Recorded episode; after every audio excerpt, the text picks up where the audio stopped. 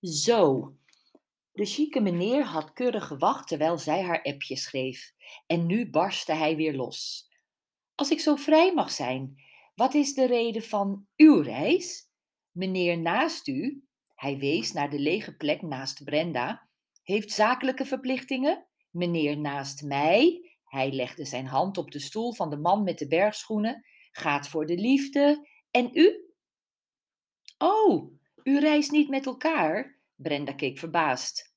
Nee, schudde de chique meneer, we hebben elkaar net voor jij hier kwam zitten ontmoet. Ach, hij schoof wat rechterop en stak zijn hand naar Brenda uit. Mag ik me voorstellen? Jean. Brenda hoorde niet helemaal de achternaam, maar schudde geamuseerd de hand van de vriendelijke man. Ik vind het wel volgens de kerstgedachte om wat licht te verspreiden met een vrolijk praatje.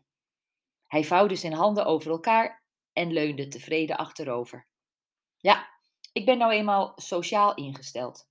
Ik heb een hotel in het zuiden. En ik hou van mensen. En vooral van in de watten leggen. En nu. Hij viel even stil en zuchtte geëmotioneerd. Nu was er niemand om te verwennen. Helaas is mijn vrouw. Hij opende zijn jas en haalde een telefoon uit zijn binnenzak. Dit is ze.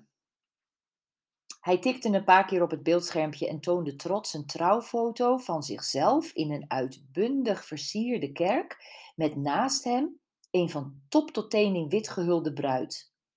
Haar slanke figuur was verpakt in een nauw aansluitende lange bruidsjurk en haar haren waren bedekt met een mysterieuze voile sluier.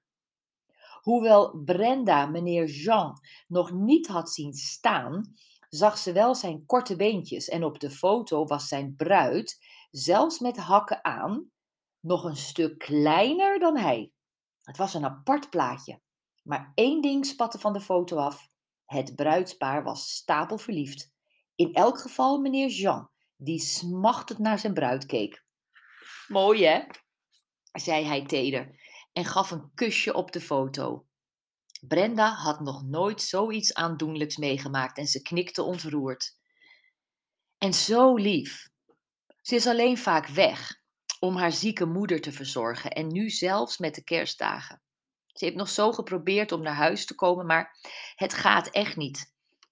Ik dacht toen afgelopen weekend: Jean, je gaat nu gewoon iets heel geks doen.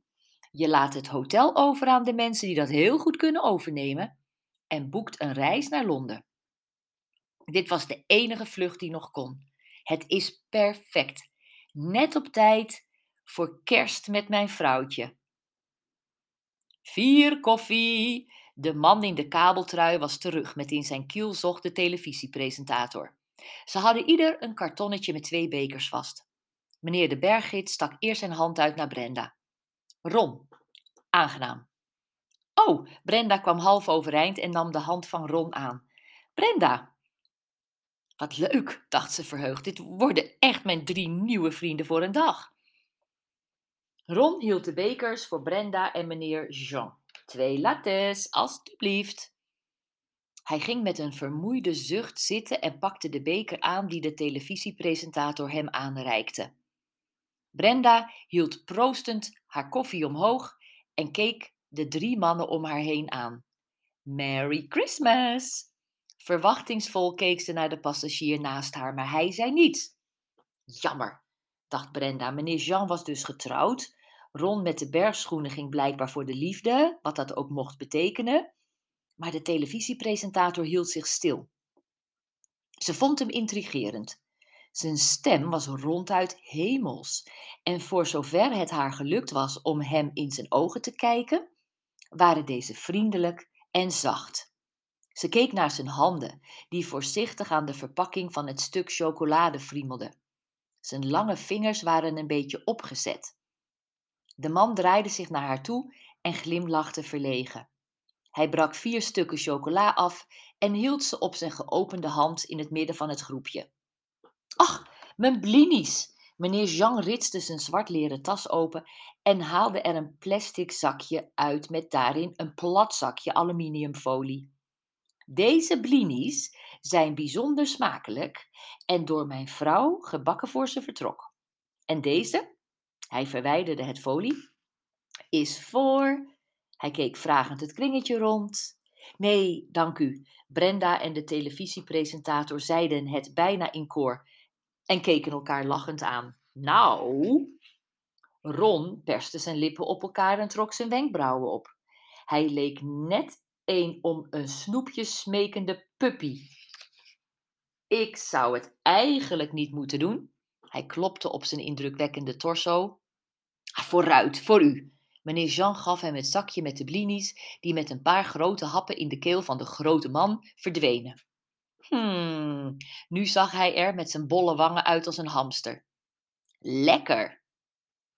Tevreden nam hij een slok van zijn koffie.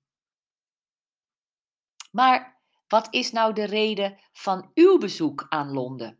Meneer Jean gaf het niet op. Vrouwen hadden de naam nieuwsgierig te zijn, maar mannen konden er ook wat van.